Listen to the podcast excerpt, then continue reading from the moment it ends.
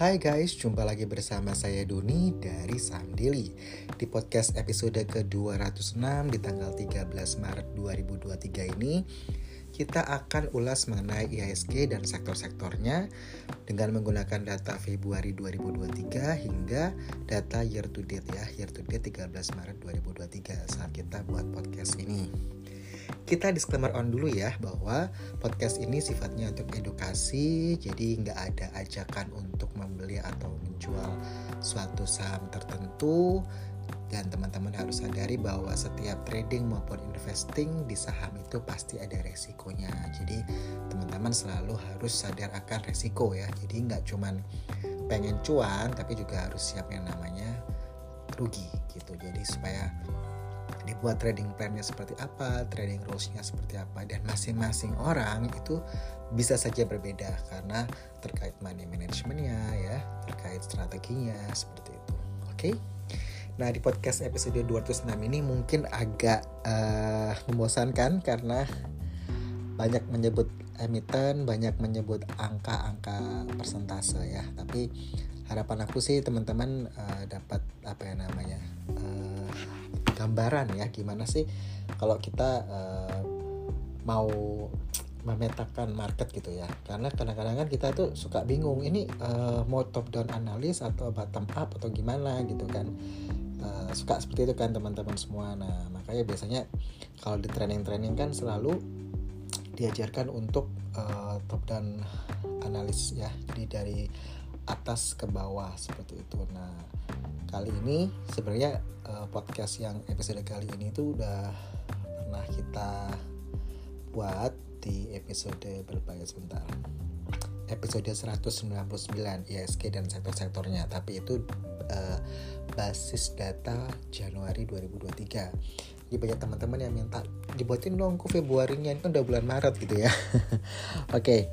uh, eh, ya memang kalau kita mau melihat secara makro ya melakukan analisis ekonomi makro yang mungkin nggak semua orang itu suka karena dianggap susah lah. Wah saya nggak ada background ekonomi saya nggak pernah kalau kita kuliah ekonomi kan semester 1 ada ekonomi makro satu ekonomi makro dua ya. Tapi kebetulan nggak semua orang yang di saham itu kuliahnya ekonomi gitu ya atau belajar makro begitu.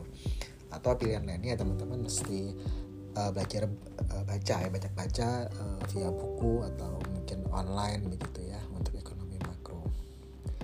Nah biasanya setelah kita menganalisa ekonomi makro biasanya masuk ke analisis industri ya, atau sektornya. Dari sektornya baru ke analisis ke masing-masing perusahaan entah itu analisa kuantitatif yang berkaitan dengan laporan keuangan, sedangkan analisa kualitatif itu berkaitan dengan model bisnis, terus keunggulan kompetitif, uh, tata kelola perusahaan, lalu ada namanya manajemen, ada yang namanya owner seperti itu. Tapi itu biasanya kita ajarin di training untuk yang fundamental ya. Nah, tadi kan saya sempat mention tentang analisis sektoral atau industri gitu ya. Ini uh, penting karena kalau kita lihat di ISG sendiri itu uh, mereka sudah memetakan ya uh, sektor-sektornya ada 11 sektor gitu ya. Jadi dengan kita tahu sektor-sektornya nanti kita bisa pelajari di masing-masing sektor itu ada saham-saham apa aja sih gitu. Oke, kalau itu berarti aku balik dulu ya uh, mengenai uh, sektoralnya, gimana kan setiap saham itu punya market cap ya. Untuk masing-masing sektor itu dia kalau kita kumpulin itu kan ada 11 sektor. Nah, market cap-nya itu yang terbesar adalah dari sektor finansial. Oke, aku mention dulu ya. Sektor-sektor di ISG ada finansial, ada energi, ada sektor consumer non cyclical ya, ada basic materials, ada infrastruktur, ada industrial, ada teknologi, ada consumer cyclical, ada healthcare, ada property dan real estate, lalu yang terakhir ada transport dan logistik. Oke, market cap-nya itu ya yang paling besar yang ada di ISG yang menguasai ISG itu adalah uh, finansial ya. Sektor finansial ini menguasai 35,5 persen dari total seluruh market cap yang ada di ISG dengan jumlah emitennya ada 106 emiten Peringkat kedua itu dikuasai oleh sektor energi sebesar 13,7 persen sebanyak 78 emiten. Lalu peringkat ketiga itu sektor uh, consumer non cyclical ya. Ini 12,7 persen sebanyak 57 emiten. Yang keempat adalah sektor basic materials, dia menguasai 9,8 persen dengan banyaknya emiten tuh 98 emiten. Yang kelima ada infrastruktur ya. Sektor ini menguasai 9,1 persen dengan banyaknya emiten tuh 63. Yang keenam adalah sektor industrial. Dia menguasai 4,6 persen sebanyak 57 emiten. Teknologi itu 4,5 persen dengan 37 37 emiten. Consumer cyclical ya itu 3,8 persen dengan 144 emiten gitu. Yang kesembilan ada sektor healthcare itu di 3,1 persen dengan 30 emiten. Lalu property and real estate itu 2,6 persen dengan 87 emiten. Yang terakhir sektor transport dan logistik itu 0,6 persen dengan banyak emitennya itu 31. Jadi yang paling kecil itu adalah transport dan logistik ya, cuma 0,6 persen. Ini aku pakai data Februari dengan jumlah sahamnya itu total 848 emiten ya. Eh, teman-teman uh, suka kan kalau misalkan uh, kalau mau membandingkan uh, saham itu harus yang satu sektor begitu ya. Nah dan kita juga bisa lihat saham di sektor itu emiten itu kita bandingkan dengan uh, PER atau PBV-nya di sektor itu. Sempat kan seperti itu. Nah misalkan nih uh, yaudah aku mention aja ya biar teman-teman bisa catat mungkin ya. Kayak finansial ya itu dia pernya di 15,66 sedangkan PBV-nya di 1,23 lalu energi itu pernya di 6,02 PBV-nya di 1,11 untuk consumer non cyclical itu di 14,55 14,55 itu pernya PBV-nya di 1,78 basic material itu pernya di 10,73 PBV-nya di 1,20 untuk infrastruktur itu pernya di 12,80 PBV-nya di 1,17 sedangkan sektor industrial itu pernya di 12,86 PBV-nya di 0,96 untuk teknologi itu di 30,23 pernya ya, sedangkan PBV-nya di 2,71 persen.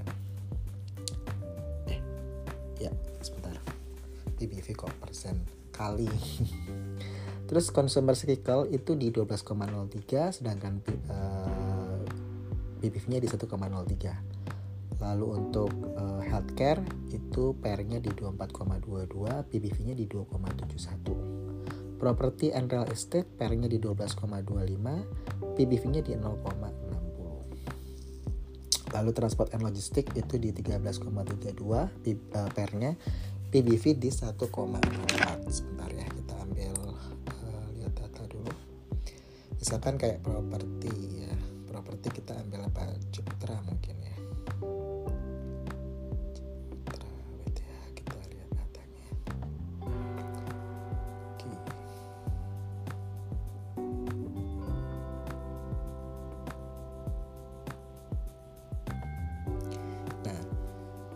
ya. PBV-nya Ciputra itu di 0,96 kali sedangkan uh, di properti and estate ya PBV secara sektoral itu di 0,60 jadi agak lebih tinggi sedikit gitu.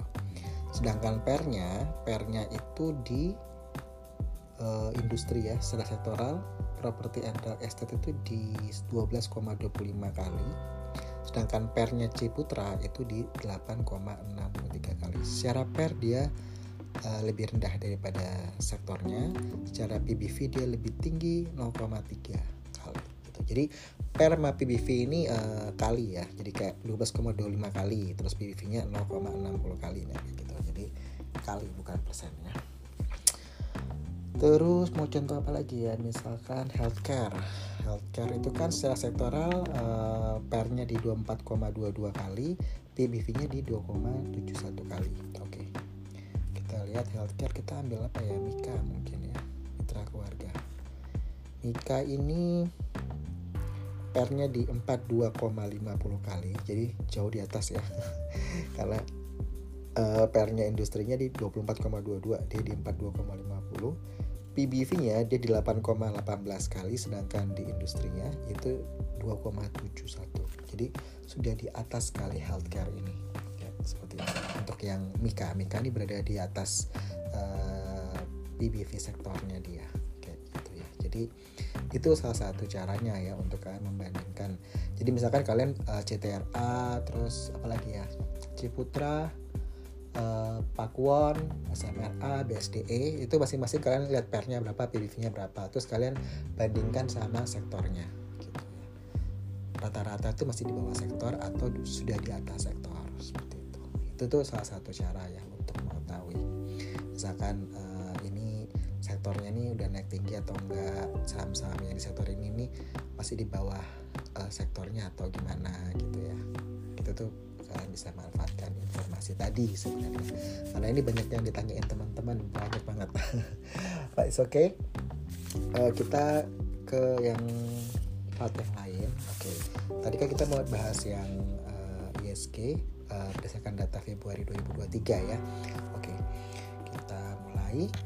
Di mana di bulan Februari 2023 ISG itu mencapai puncak tinggi, tertingginya high-nya itu di 6941.855 itu di tanggal 14 Februari 2023 sedangkan titik low atau terendahnya dia itu di uh, eh, 6809.968 gitu ya di tanggal 22 Februari 2023 sedang uh, ditutup di tanggal 28 Februari 2023 itu ISG ditutup di 6843,239 gitu ya. Jadi itu titiknya range antara 69 sampai 68 dia ditutup di 6843 begitu ya. Ini jauh berbeda dengan di ISG Januari 2023 di mana ISG Januari 2023 itu ISG itu minus 0,16%. Kalau di Februari itu ISG positif 0,06%. Kalau di Januari titik tertinggi ISG itu di 6898,981 itu tanggal 27 Januari 2023 sedangkan titik terendah ISG di Januari 2023 tanggal 11 ya tanggal 11 Januari itu ISG sempat menyentuh 6584.453 jadi saya ingat banget Januari ini uh, Desember Januari naik naik awal-awal eh tiba-tiba tanggal 11 Januari itu uh, drop drop drop sampai ke 6500 ya jadi banyak yang uh, bingung gitu ya. Jadi kalau di Januari 2003 ya segitu ditutup di 6839.342. Jadi tanggal 31 Januari ya. Jadi kalau tanggal 11 Januari itu di 6584, di 31 Januari itu di 6839 gitu. Sedangkan di Februari tanggal 28 Februari itu ya segitu di 68 43 jadi kayak nggak ke mana-mana ya. Tapi sempat uh, roller coaster itu di 11 Januari ya. Sempat pada bingung dibanting sampai 6584 ISG-nya kayak gitu. Kalau kita lihat di Januari ya yang di podcast yang sebelumnya itu kan saya sebutin bahwa sektor-sektor yang uh, dominan itu uh, teknologi itu plus 6,19 persen, transport dan logistik itu plus 5,65 persen, basic material plus 3,52 persen, consumer non cyclical itu plus 3,08 persen, finance minus 0,14 persen, industrial minus 0,32 persen, property and real estate itu minus 0,56 persen, healthcare dia minus 1,22 persen, infrastruktur ini minus 1,93 persen, consumer cyclical itu minus 3,49 persen, sedangkan energi itu minus 4,75%. Jadi yang menguasai yang terkoreksi paling besar itu energi, consumer cyclical sama infrastruktur ya. Sedangkan yang paling bagus itu teknologi, transport and logistik dan basic material. Sedangkan di bulan Februari itu ada perubahan ya. Jadi kalau teman-teman lihat ya, eh, energi yang di peringkat terakhir itu dia benar-benar tetap minus 3,23 persen. Energi ini peringkat terakhir juga di bulan Februari. Jadi energi ini benar-benar nggak ada perubahan ya. Nanti kalau yang berubah saya kasih tahu nanti. Tapi kita lihat yang peringkat 11 energi itu minus 4,75 persen di bulan Januari dan di bulan Februari dia tetap peringkat 11 dengan minus 3,23 persen di bulan Februari. Lalu di peringkat 10 di Januari itu ada consumer cyclical. Itu dia minus 3,49 persen. Tapi nah di bulan Februari dia naik uh, posisinya plus 2,93%. Nah, inilah salah satu manfaat kenapa kita tahu kalau pergerakan setiap bulannya per sektor. Kita tahu mungkin ini oh yang lagging tadi kan kalau di bulan Januari kan energi consumer infrastruktur. Kali-kali di bulan Februari ada yang naik. Jadi kayak nggak mungkin kan sektor itu turun terus gitu kan ya. Mungkin pasti ada jenuhnya gitu ya. Uh, sudah oversold lah ya Nah makanya kita lihat bahwa consumer cyclical yang di Januari minus 3,49% eh dia naik ke peringkat kedua dari peringkat 10 ke peringkat kedua dengan kinerja positif 2,93%. Lalu di bulan Januari peringkat 9 itu ada infrastruktur dia minus 1,93%. Nah infrastruktur itu uh, agak naik ya walaupun dia dari peringkat 9 ke peringkat 7 di mana dia minus masih minus ya minus 0,86 persen. Kalau Januari kan minus 1,93 persen di posisi ke-9. Di Februari dia infrastruktur ini uh, minus tapi naik peringkat ke peringkat ke-7 dengan minus 0,86 persen. Gitu. Lalu di Januari healthcare itu menempati posisi ke-8 dia minus 1,22 persen ya healthcare Nah, ini dia naik ke peringkat 4. Healthcare itu positif 1,24% di bulan Februari. Lalu peringkat ketujuh di Januari ada property and real estate itu dia minus 0,56%. Nah, properti ini uh, dari peringkat 7 dia turun ke peringkat 8 ya di bulan Februari di mana dia tetap minus uh, 1,15% Lalu yang keenam di Januari ada industrial dia minus 0,32 persen. Industrial ini dia naik ya di bulan Februari plus 2,41 persen ke posisi 3. Jadi industrial kan posisi 6 tadi minus 0,32 persen. Eh di bulan Februari dia naik ke peringkat 3 plus 2,41 persen. Jadi ini yang saya bilang biasanya suka ada rotasi begitu ya. Lalu yang kelima di bulan Januari finance itu minus 0,14 persen. Nah di bulan Februari dia turun ke peringkat 6. Jadi dari peringkat 5 ke peringkat 6 dia masih minus 0,83 persen gitu. Lalu peringkat 4 Januari ada consumer non cyclical dia plus 3,08 persen. Kita lihat di bulan Februari ini turun ke peringkat kelima positif 0,74 persen gitu ya masih positif sih tapi posisinya bergeser dari peringkat 4 ke peringkat 5 peringkat ketiga di Januari ada basic materials ya. Ini dia plus 3,52 persen. Kita lihat di bulan Februari dia turun dari peringkat 3 ke peringkat 9 dengan minus 1,25 persen ya. Sektor rotasinya seperti itu. Lalu di bulan Januari peringkat kedua ada transport and logistik dia plus 5,65 persen. Nah ini di bulan Februari dia naik ke peringkat 1 jadi dari peringkat 2 ke naik peringkat 1 dengan uh, kinerja positif 10,26 persen. Jadi ini uh, dari 5,65 naik uh, ke 10,26 persen ya. Jadi dia uh, naik peringkat juga dari peringkat 2 ke peringkat 1 sedangkan di bulan Januari teknologi itu kan yang unggul dengan 6,19 persen. Di bulan Februari dia turun ke peringkat ke-10 dari peringkat 1 ke peringkat 10 minus 1,75 persen. Jadi itu sektor rotasinya ya. Kalau kita bilang sektor rotasi itu kayak gitu guys. Jadi supaya teman-teman yang tadi banyak ya yang teman-teman yang masih mungkin baru di saham ketika dengar yang episode 199 tuh ini fungsinya apa sih kode ini ngomong kayak gini? Gitu ya. Banyak yang tanya gitu. Banyak yang kok nggak ngerti nih? Emang uh, kenapa harus uh, kita dengerin yang ini gini-gini? Padahal sebenarnya teman-teman yang mungkin sudah lama di market uh, agak-agak sedengan lah ya mungkin itu sudah lumayan tahu tentang sektoral mereka senang mereka minta untuk dibuatkan seperti itu cuman mereka minta Februari dibuatin dong kok gitu. Makanya kita buatin gitu. Ini makanya aku bicaranya agak pelan-pelan ya supaya teman-teman paham. Kalau kurang jelas mungkin bisa diputar ulang atau DM ke kita lagi gak apa nanti mungkin aku buat versi yang lebih simple gitu ya seperti itu. Nah di bulan Februari 2023 itu investor asing tuh net buy 5,7 billion rupiah ya. Jadi ada posisi net buy terus pertanyaannya tuh gini nih teman-teman. Kok uh, kasih tahu dong itu masing-masing sektor itu yang leading yang mana yang lagging yang mana? Kayak yang kemarin di bulan Januari yang episode 199 ya oke kita bahas dari yang uh, paling buncit ya yaitu sektor energi ya kan? Sektor energi kan minus 3,23 persen itu di bulan uh, Februari 2023 nah kalau secara seasonality aku update lagi bahwa energi ini biasanya saham ini positif kinerjanya itu di bulan Desember. Kalau minusnya terkoreksi biasanya di bulan Maret dan Juni.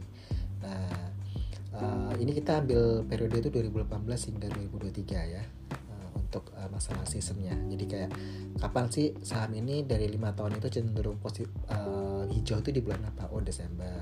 Cenderung merah uh, sektornya di bulan apa? Maret dan Juni. Sektornya ya kita ngomong sektor energi di mana emang di bulan Februari dia minus 3,23 persen menduduki peringkat ke-11 ya. Paling buncit ya. Nah saham-saham di sektor energi apa aja sih kok ini kita uh, urutkan berdasarkan market capnya ya yang gede gitu ya. Ada Biar, ada PTBA, ITMG, Pegas, Bumi, Adaro, Akra, TCPI, ADMR, dan Medco. Nah, kalau leading, leading ini saham-saham yang harga sahamnya ketika bulan Februari itu naik di sektor energi gitu ya. Yang naiknya signifikan. Sebenarnya kita ada per per ini nih kita ada 10 saham 10 saham top 10 top top 10 top loser tapi kita ambil tiga-tiga aja biar nggak terlalu lama podcastnya. Yang leading, yang memimpin itu saham Etwa ya itu 20% lalu Coal Coal ya C O A L itu dia 17,09% naiknya lalu PTBA dia naik 13,53% jadi teman-teman ingat ya Februari itu uh, saham PTBA naik ya kita lihat uh, ada sentimen permintaan dari India ya ada berita mengenai darurat India di mana India uh, meningkatkan impornya untuk antisipasi uh, musim panas ya. untuk yang lagging di sektor energi kita ambil yang minus paling besar yaitu ADMR dia minus 20,73 persen. Disusul oleh IATA dia minus 20,35 persen. Lalu ada Medco dia minus 17,56 persen. Jadi masih ingat ya uh, ini uh, Medco itu sempat turun di bulan Februari.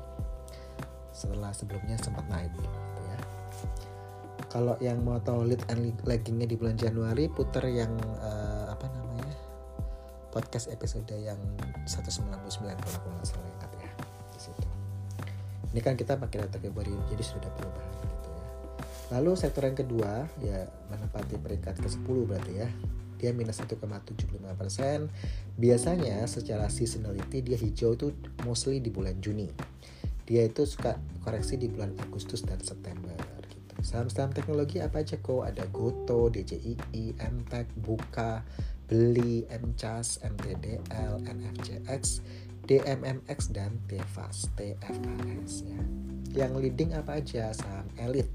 Elit ini naik 33,57 persen, GLVA dia naik 18,75 persen, NFCX dia naik 14,75 persen yang lagging atau yang terkoreksi paling parah itu TECH teh itu minus 46,15% kios itu minus 17,76% aksio itu minus 14,02%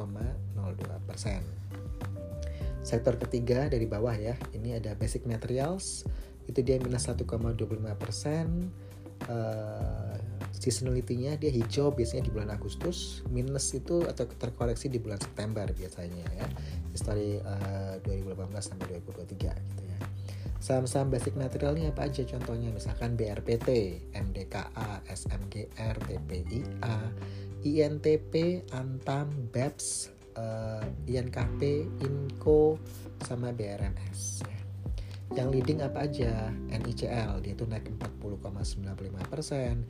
IFSH itu naik 16,99 persen. BRNA dia naik 16,30 persen. Yang lagging atau yang terkoreksi itu Antam dia minus 13,85 persen, BRMS minus 11,41 persen, Inco minus 8,08 persen. Kalau teman-teman uh, bertanya-tanya kenapa ya? Uh, apa saham Antam nih minus terus gitu ya. Nah itu teman-teman mesti lihat uh, chartnya. Emang dia penurunannya sudah berapa sudah berapa jauh. Terus apakah ada sentimen apa? Oh uh, Antam nih produksinya A B C D E gitu ya. Ada di podcast seri sebelumnya kita sempat sebut Antam produksi apa aja. Teman-teman bisa dengar di episode 204 ya. Nah, mungkin oh ada larangan bauksit kok, kayaknya Antam punya bauksit misal gitu ya.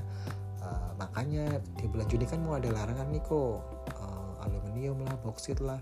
Jangan-jangan karena itu ya Antam di apa dapat sentimen negatif. Atau oh karena ada yang mau IPO kok yang nikel itu. Mungkin orang-orang pada ngurangin porsinya supaya nyiapin cash supaya bisa hak hak IPO saham itu gitu ya. Nah itu juga bisa jadi mungkin bisa jadi sentimen buat Antam kalau kalian nggak yakin kan juga bisa lihat uh, Antam ini secara fundamentalnya seperti apa kinerjanya selama tahun 2022 itu seperti apa bagus nggak gitu. Atau oh mungkin Antam ini terkoreksi karena uh, harga uh, logam mineralnya itu memang secara di dunia lagi minus. Misalkan harga emas lagi turun atau harga nikel lagi turun nah gitu kan. Jadi ini aku nggak bahas mengenai harga komoditas ya di awal tadi. Jadi nanti mungkin di seksi berikutnya. Biasanya kalau aku ada review-review suka uh, kasih tahu ya uh, harga-harga komoditas itu tren 6 bulan ke belakang hingga uh, dibandingin sama akhir bulan lalu itu kenaikannya berapa koreksinya berapa seperti itu. Nah teman-teman bisa dengar podcast-podcast sebelumnya ya. Aku suka sebutin Oke, kita ke sektor selanjutnya yaitu properti and real estate. Dia minus 1,15 persen, di mana uh, sektor properti and real estate ini peringkat ke-8 ya dari bawah, jadi 8 ya. Dia minus 1,15 persen. Biasanya secara seasonality dia hijau di bulan Agustus, uh, terus terkoreksi biasanya properti di bulan Januari. Nah, saham-saham di sektor properti ini apa aja sih? Ya, ada BSDE, CTRA, Pewon ya, Pakuwon, ada Sumarekon, SMRA, ada MAPI, eh sorry kok MAPI, MKPI, sorry, MKPI, MIRX, BKSL, LPKR, RISE ya, RISE, sama LTA, LTY ya. Tadi bukan MAPI tapi MKPI. Yang lead apa aja? Yang lead itu adalah FMII, dia naik 73,08%, DILD dia naik 8,70%, BSDE dia naik 5,88%. Yang lagging adalah saham HOMI, dia minus 44,06%, BSBK dia minus 41,94%, NZIA dia minus 22,63%. Selanjutnya sektor infrastruktur dia minus 0,86%. Biasanya dia positif atau harganya menguat di bulan Juli. Lalu dia terkoreksi biasanya di bulan Januari dan September. Saham-saham infrastrukturnya apa aja? Misalnya ISAT ya, Indosat Telkom, TOWR, Excel, JSMR, MTEL, The Big Friend, PGEO, CMNP. Yang leading adalah saham Port dia naik 20%, IPCC dia naik 13,04%, ISAT, nah Indosat kan naik ya bulan Februari kemarin di 11,89%. Yang lagging adalah uh, karya ya kayak KRYA dia minus 47,33% disusul Excel. Excel ini minus 9,13%, lalu Wika minus 8,70% kalau teman-teman mau lihat sebenarnya year to date-nya nih uh, Wika nih berapa sih minusnya? Nah teman-teman bisa lihat year to date Wika itu berapa. Kalau Februari kan dia minus 8,70% ya. Sebentar kita lihat year to date Wika Wika itu tarik ya guys kita tarik data dulu. Year to date-nya dia minus 27,50% ya. Jadi Wika kita koreksi banget ya. Jadi year to date 27 sorry. Ya to date dia minus 27,50 persen. Nah tadi itu di bulan Februari Wika minusnya 8,70 persen. Gitu. jadi memang uh, lumayan ya. Ya to date nya sekitar minus 27,50 makanya kita juga belum masuk ke infrastruktur sama sekali ya. Uh, belum tertarik gitu. Masih pola-polanya belum uh, secara cat juga masih belum ya Lalu ada finance. Finance sektor finance ini dia minus 0,83 persen menduduki peringkat berapa tadi? Finance ini 6 ya. Biasanya menguat di bulan Juli, Agustus, Oktober, Desember ya. Sedangkan melemahnya di bulan September. Finance ini ada BBCA, ya SMMA, BMRI, BBRI, Bank Mega, eh, BBNI, CASA, Arto, Bufin, dan Dinar. Yang leading adalah Tugu. Tugu ini naik 28,66%, lalu Bevin ya, Bevin naik 18,18%, Breeze dia naik 13,86%. Yang lagging adalah Arto. Arto minus 21,81 persen di bulan Februari. Kita cek Arto di bulan uh, year to date sekarang. Year to date itu artinya dari awal Januari sampai tanggal sekarang 13 Maret ya. Arto itu minus 31,18 persen. Ya jadi uh lumayan ya di, di ini benar-benar turun terus nih Arto Lalu Penin ya, PNIN itu dia minus 13,62 persen, BBB dia minus 13,51 persen di Februari. Kita cocokkan year to date berapa BBB ini posisinya. BBB year to date itu minus 9,30 persen. Gitu ya. Seperti itu. Lalu udah BBB kita ke consumer non cyclical ya. Consumer non cyclical ini peringkat kelima. Dia positif 0,47 persen. Secara seasonality dia uh, hijau di bulan Agustus ya menguatnya. Uh, minusnya ini di Januari, Juni, Juli, September, Oktober lah. Lumayan ya. Ya saham-saham di consumer non cyclical atau kita bilang uh, primer ya.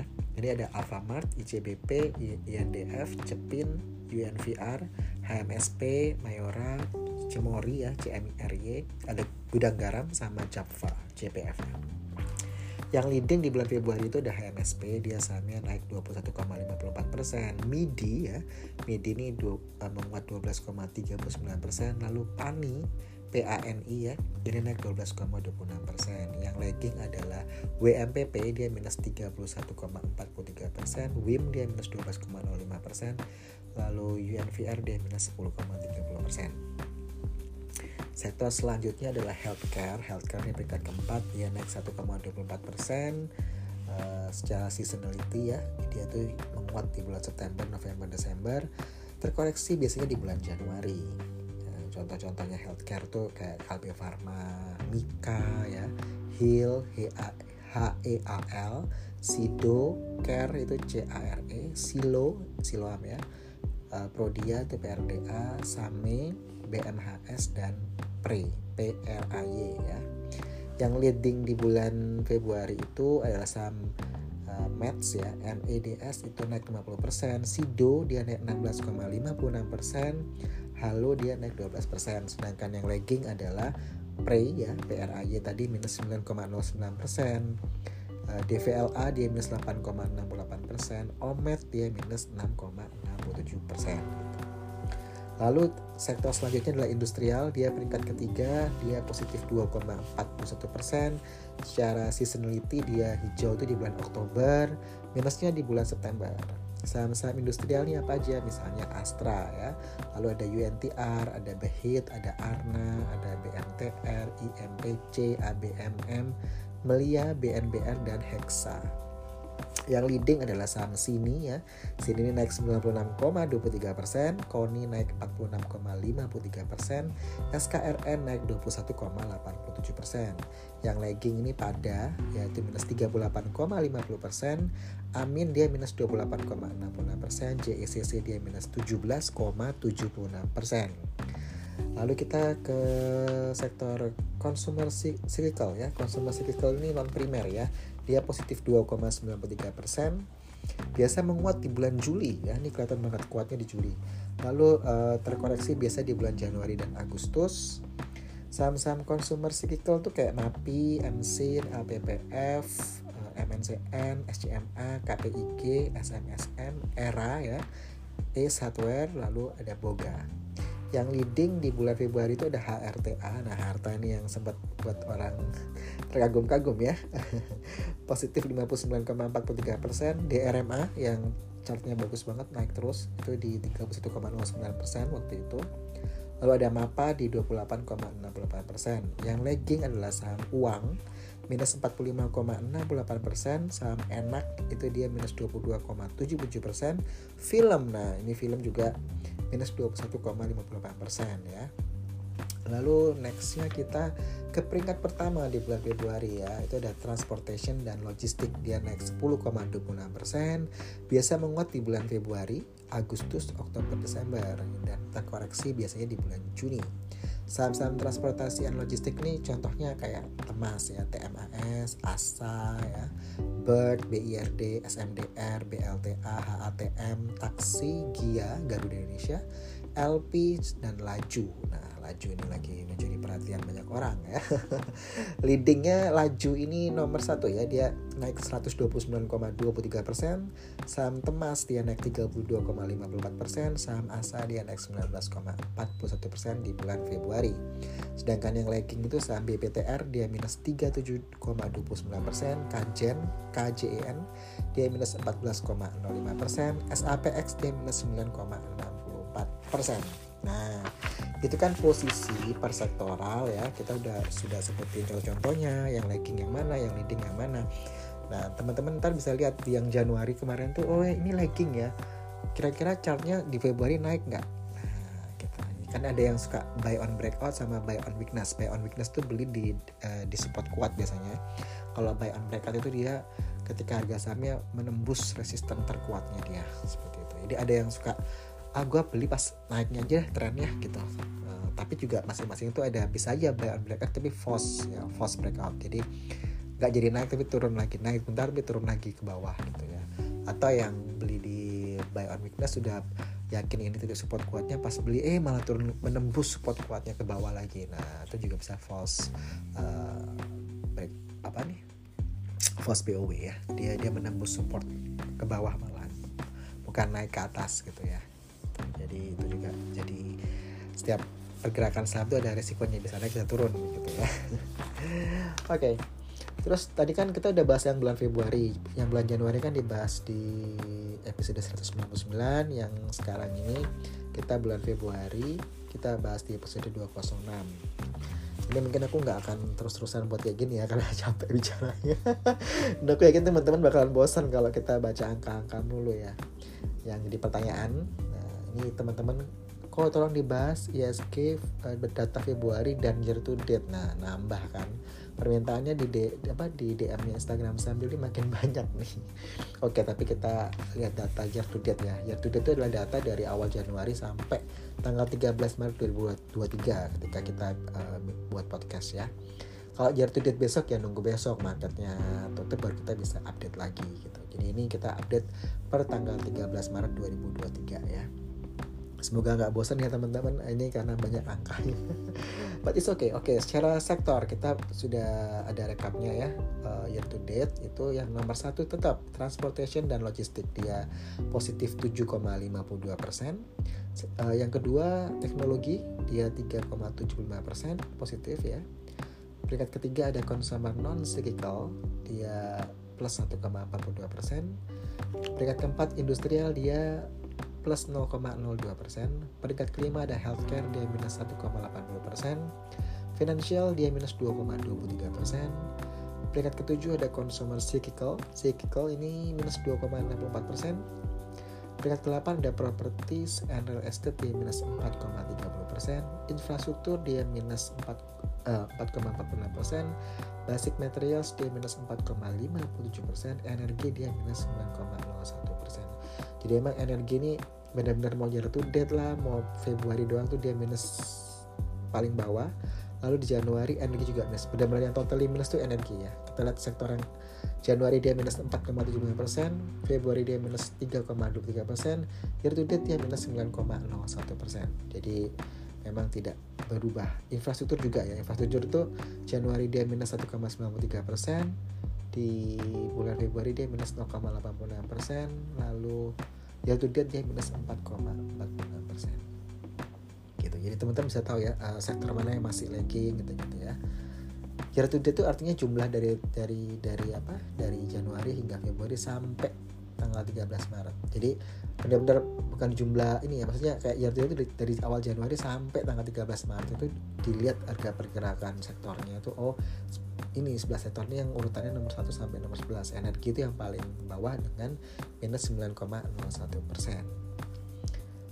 Kalau tadi diminta aku tolong dong dibocorin uh, year to date itu per sektor sahamnya apa aja yang leading? Waduh itu nama kerjaan ya. Jadi kita nggak akan bahas per sektor. Kita ambil aja langsung leadingnya sama apa year to date sama yang lagging year to date kita ya lebih cepat ya biar nggak kelamaan podcastnya.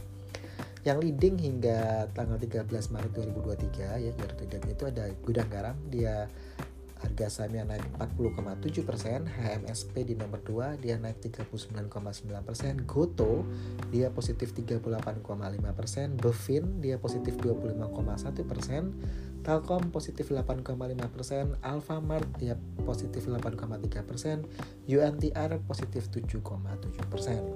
Sedangkan yang lagging artinya yang masih terkoreksi, ya itu ada ADMR dia minus 32,7 persen, Arto dia minus 31,2 persen, Adaro minus 24,7 persen, Bumi dia minus 19,9 persen, BEPS dia minus 19,6 persen, TPIA dia minus 12,8 persen, Tower TOWR ya dia minus 12,3 persen, Cepin dia minus 11,7 persen, Bian BYAN dia minus 6,9 persen. Dan BBRI dia minus 2,2 persen. Gitu ya. Ini yang year to date ya. Ini teman-teman mungkin yang BOW bisa lihat yang lagging ya sedangkan yang uh, eh, BOP itu biasanya lihat yang lead uh, yang leading tadi saham-saham itu. Tapi kalau misalkan kayak GGRM mungkin kalau mau dikejar mau gimana ya? jadi pokoknya teman-teman lihat teknikalnya du teknikalnya dulu ya. Uh, saham-sahamnya sekarang ini chartnya seperti apa? Itu penting untuk teman-teman lihat gitu ya. Itu saja. Semoga podcastnya lumayan panjang. Ini semoga bermanfaat. Nanti mungkin uh, ada masukan di DM Instagram kita kok jangan angkat terus kasih yang lebih ke psikologi trading gitu ya. Jadi nanti kita juga akan pertimbangkan untuk materinya. Terus buat teman-teman jangan lupa kasih masukan buat kita. Teman-teman bisa kasih apa tuh? Rating ya. Di aplikasi ini kan podcast podcastnya ada di Spotify di Noise ada di mana lagi tuh? Apple Podcast gitu ya. Kalian bisa kasih bintang. Dia kan bintangnya satu lima tuh. Mau kasih bintang 5 bintang 3 terserah kalian. Atau kalian mau kasih bintang dan juga ratingnya tuh dikasih apa ya? Kasih komentar juga boleh masukan masukan buat kita juga boleh. Kritik yang membangun ya. Atau mungkin pujian juga boleh. Terserah kalian mau nulis apa di situ tapi jangan pakai unsur-unsur kata sara kebencian jangan ya. Jadi harus yang proper seperti itu. Supaya kita juga tetap semangat uh, buat podcast buat teman-teman semua. Oke? okay? Sekali lagi ini edukasi bukan ajakan pom pom saham atau apa gimana gimana kita kasih waktu kita semua research kita itu semua demi teman-teman oke? Okay? belajar bersama tumbuh bersama dengan saham daily. Oh iya kelupaan yang mau ikut training uh, mau fundamental mau screening saham uh, bisa ini apa namanya tuh uh, eh, DM aja uh, ke WhatsAppnya admin di 0857 3718663 atau kalau bingung kalian masuk ke Instagram itu ada link tree-nya. Kita kan bisa klik bisa nanti pilih mau WhatsApp atau apa kalian WA aja langsung di situ ada nomornya. Atau kalian bisa DM aja kayak kok uh, aku mau daftar nih. Tulis aja nama kota uh, email sama nomor HP ya itu empat itu aja. Nama kota email sama nomor HP kalau trainingnya bisa di kota kita datengin. Kalau trainingnya harus online kita online. Tapi nggak banyak banyak jadi mungkin masukin ke apa waiting list dulu gitu. Itu untuk training ya. Untuk member-member semua tetap semangat. Jadi uh, kita akan tetap uh, dampingi teman-teman kasih informasi sebanyak-banyaknya kasih support buat teman-teman semua. Semoga kalian senang jadi member Sam Daily. Kalaupun gak jadi member juga nggak apa-apa. Belajar kayak gini melalui podcast Clubhouse. Kita juga suka buka Clubhouse kan bisa join sama kita di Clubhouse-nya Sam Daily. Oke? okay? Saya Doni dari Daily out